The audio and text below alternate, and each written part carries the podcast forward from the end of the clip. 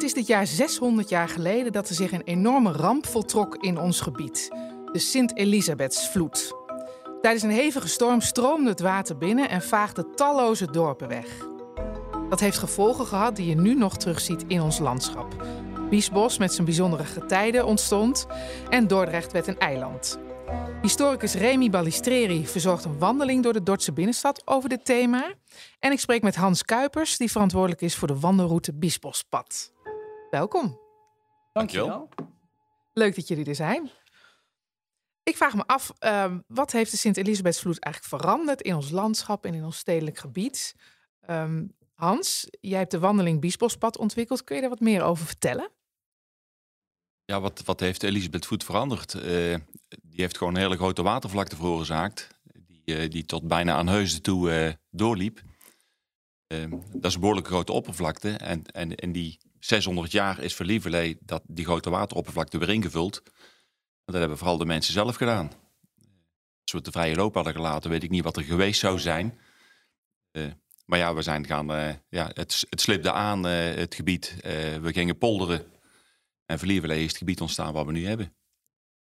Duidelijk. En je hebt een wandeling ontwikkeld? Ja, ja, klopt. uh, nou ja, dat inspireerde me wel. Ik, ik woon zelf in Maden, vlak bij de Biesbos. ik zit er wel een keer met de kano, ga ik er doorheen. ik hou van wandelen. Ik had een aantal ingrediënten en het was voor mij wel een droom om ooit een keer een wandelpad zelf te maken, een lange afstandswandelpad. Ja, wat is er dan mooier om dat nu uh, in dat kader van die 600 jaar Elisabethvloed uh, te doen. En, en, en, dat als basis te nemen voor het pad. Uh, uiteindelijk is het pad geworden van, van 170 kilometer door de regio heen, zeg maar, waar het water ooit gestaan heeft. En daar probeer ik zoveel mogelijk elementen terug te vinden die, ja, die iets betekend hebben in die 600 jaar, zeg maar. En Remy, jouw wandeling bij Hallo Dordrecht, genaamd Water en Havens, die focust zich juist op de gevolgen voor Dordrecht als stad. Heb ik dat goed? Uh, ja, dat heb je bijna goed. De wandeling is voor Ontdek eh, Dordrecht. En uh, die gaat inderdaad over, over water en havens. Dat is een wandeling die wel iets breder is dan de Sint-Elisabethsvloed. Uh, maar als je kijkt naar de gevolgen voor de stad van de Sint-Elisabethsvloed, dan is het goed om als, als eerste even in je achterhoofd te houden dat de 14e eeuw, dus laten we zeggen de eeuw voor de vloed, die staat in de geschiedenis van Dordrecht eigenlijk bekend als de Gouden Eeuw van Dordrecht.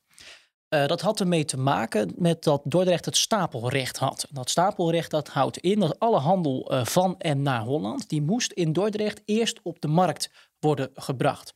Nou, dat leverde voor Dordrecht veel handel op, veel uh, welvaart op. En je kunt je wel voorstellen, op het moment dat de Sint-Elisabethsvloed is geweest, er ontstaat om Dordrecht heen een soort zoetwaterzee, een, een, open, een, open water. En dan wordt het voor die schippers natuurlijk wel erg makkelijk om dat stapelrecht vrij letterlijk te omzeilen. En um, doordat dat stapelrecht um, eigenlijk in, in, ja, door heel veel schippers wordt omzeilt, komt er een einde aan uh, de hoogtijdagen van de Dordtse economie en de Dordtse handel. Zei, daar stapelrecht van Holland, maar was dat, want de Rijn en de Maas stroomden alle twee langs Dordrecht, dus alles wat het achterland ja. in moest, dat ja. moest, moest langs Dordrecht. Ja, dat, dat uh. komt omdat Dordrecht had een, een hele strategische ligging. Hè? Ja, dus uh, ja. eigenlijk uh, alle, alle wateren Voor het die, achterland zeker. Ja, die van en naar Holland kwamen, die kwamen eerst langs de stad. En uh, ja, je kunt je ook weer iets voorstellen. Misschien als je nu nog op het groot hoofd staat hè, en je ziet het woeste water zo om je heen. Dan kun je ook wel iets voorstellen uh, bij de welvaart uh, die er in de stad was door dat stapelrecht. Ja, ja. Maar goed, je kunt er nu, want wat anders is in de Biesbos. Want ik vind het wel heel gaaf dat jij een wandelpad van 170 kilometer. 170 kilometer, ja. Ongelooflijk, dat is echt ontzettend gaaf. En in de binnenstad is, zijn die invloeden uh, wat minder direct zichtbaar. Hè? Uh, je ziet geen, geen schade van de vloed. Uh, er staan geen lijntjes van nou, tot hier stond het water. Dat kan ook niet, omdat de binnenstad van Dordrecht gespaard bleef tijdens die vloed. Dus het zijn eigenlijk wel heel ander soort wandelingen, kan ik me voorstellen. Maar 107, en je hebt het ook helemaal zelf gelopen al? Begin juli hebben we hem zelf gelopen, want Ja, hij komt, komt 24 september, wordt hij officieel geïntroduceerd. Maar ja, als je de pad maakt, moet je hem ook zelf gelopen hebben van tevoren, vond ik. Uh, en, ja. Dus dat hebben we gedaan in, in negen dagen. En, overal bed and breakfast en hotels gezocht en acht overnachtingen zijn we rondgegaan. Ik had gisteren uh, een rondleiding water en havens in de stad. Was er een gids mee uit de Hoekse Waard. En die zei, ik mhm. vind dat zo, uh, zo jammer dat de nadruk altijd heel erg ligt op de Biesbos en op ja. Dordrecht en niet uh, op de Hoekse Waard. Komt jouw route ook in de Hoekse Waard? Ja, ja, ja. Ja, dat zou hij leuk vinden om, om, te horen. Ja, dat, dat, dat, mag ik hopen inderdaad. Ja, maar de, ja, inderdaad, je gaat van, van Moerdijk met het pontje steek je over naar Strijen-Sas. Dan loop je eigenlijk helemaal naar boven via, via Strijen en Sillaarzoek, en Maasdam en Putterzoek. Dan loop je boven langs het Zuiddiep en, en Groot Koninkrijk, die polder eh, naar Schavendeel. Dus je loopt, ik denk, kilometer of 35 eh, door, uh, door de Hoekswaard. En uh, Remy, jouw wandeling, is die al, uh, die kun je al doen? Ja. Die wordt al ehm, gedaan. De wandeling is een, een aantal keer op, op zondag. We zijn begonnen in juli en in augustus, september, oktober. En uh, op mijn website ontdekdordrecht.com, daar, uh, daar staan alle, alle data. We beginnen aan de taankade. En uh, de taankade is eigenlijk om meerdere redenen in, in het kader van Dordrecht en de strijd om het water natuurlijk wel aardig. Je, je begint eigenlijk bij wat vroeger de oude haven was. De haven waar over dat stapelrecht ging, waar ik het net al eventjes over had. Maar je bent dus ook bij de Voorstraat. En uh, we hadden het net al even over de Voorstraat, een dijk. Uh, de dijk ook die de binnenstad van Dordrecht moet beschermen tegen het water.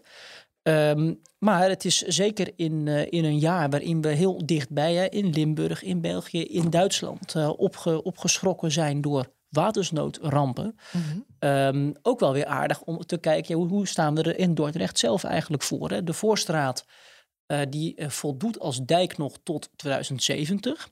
Uh, daarna eigenlijk niet meer. En dat betekent dat het best reëel is dat er een punt komt dat we in Dordrecht ook weer natte voeten gaan, gaan hebben. Ja, wat kun je dan doen?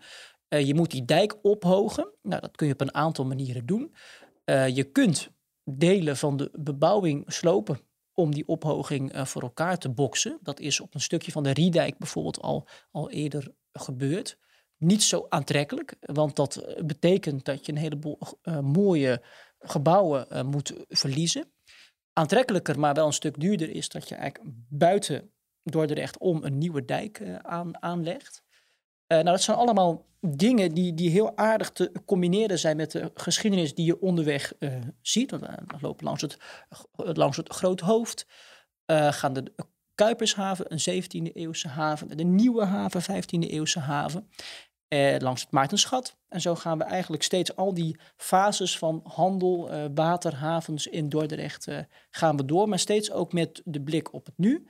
Eh, de Dordtenaren hebben, zou je kunnen zeggen, een soort eh, haat-liefde verhouding met het water. Liefde omdat het water, eh, met name de strategische ligging van Dordrecht, zorgde voor ongekende welvaart. Mhm. Maar ook wel een beetje haat, misschien beter vrees. Uh, omdat een watersnoodramp of de dreiging daarvan op een eiland natuurlijk altijd om de hoek ligt. Misschien is de, is de, is de les die je kunt leren ehm, van de Sint-Elisabethsvloed. Want de strijd tegen het water was niet, niet nieuw. Het was ook niet voor het eerst dat er een watersnood was. Maar de reden dat deze vloed zo verwoestend was, was met name ook de politieke onrust die ervoor heeft gezorgd dat het onderhoud aan de dijken eigenlijk eh, door niemand meer opgepakt eh, werd. Hoe is dan de relatie nu tussen de stad en het grote natuurgebied? Ja, hoe moet ik dat uit? Ik denk dat de, uh, Dordrecht die, die ontwikkelt weer uh, grote delen die ooit Biesbos waren, weer opnieuw tot Biesbos. Mm Onder andere polder de Biesbos. En je hebt daar het Zuidplaatje, de Tongplaat, die allemaal ja. weer teruggegeven worden aan de natuur. Dus dat is hartstikke goed. Maar ik denk dat ook vooral voor, voor de stad Dordrecht een belangrijk uh, ja, uitloopgebied, recreatiegebied is. Ja. Uh, en daarmee blijf je uit, uit, uit, uit de hele kwetsbare natuur die zeg maar, in het natte gedeelte ligt, in, in, in de Zuidwaard, waar je alleen maar met een bootje kunt komen.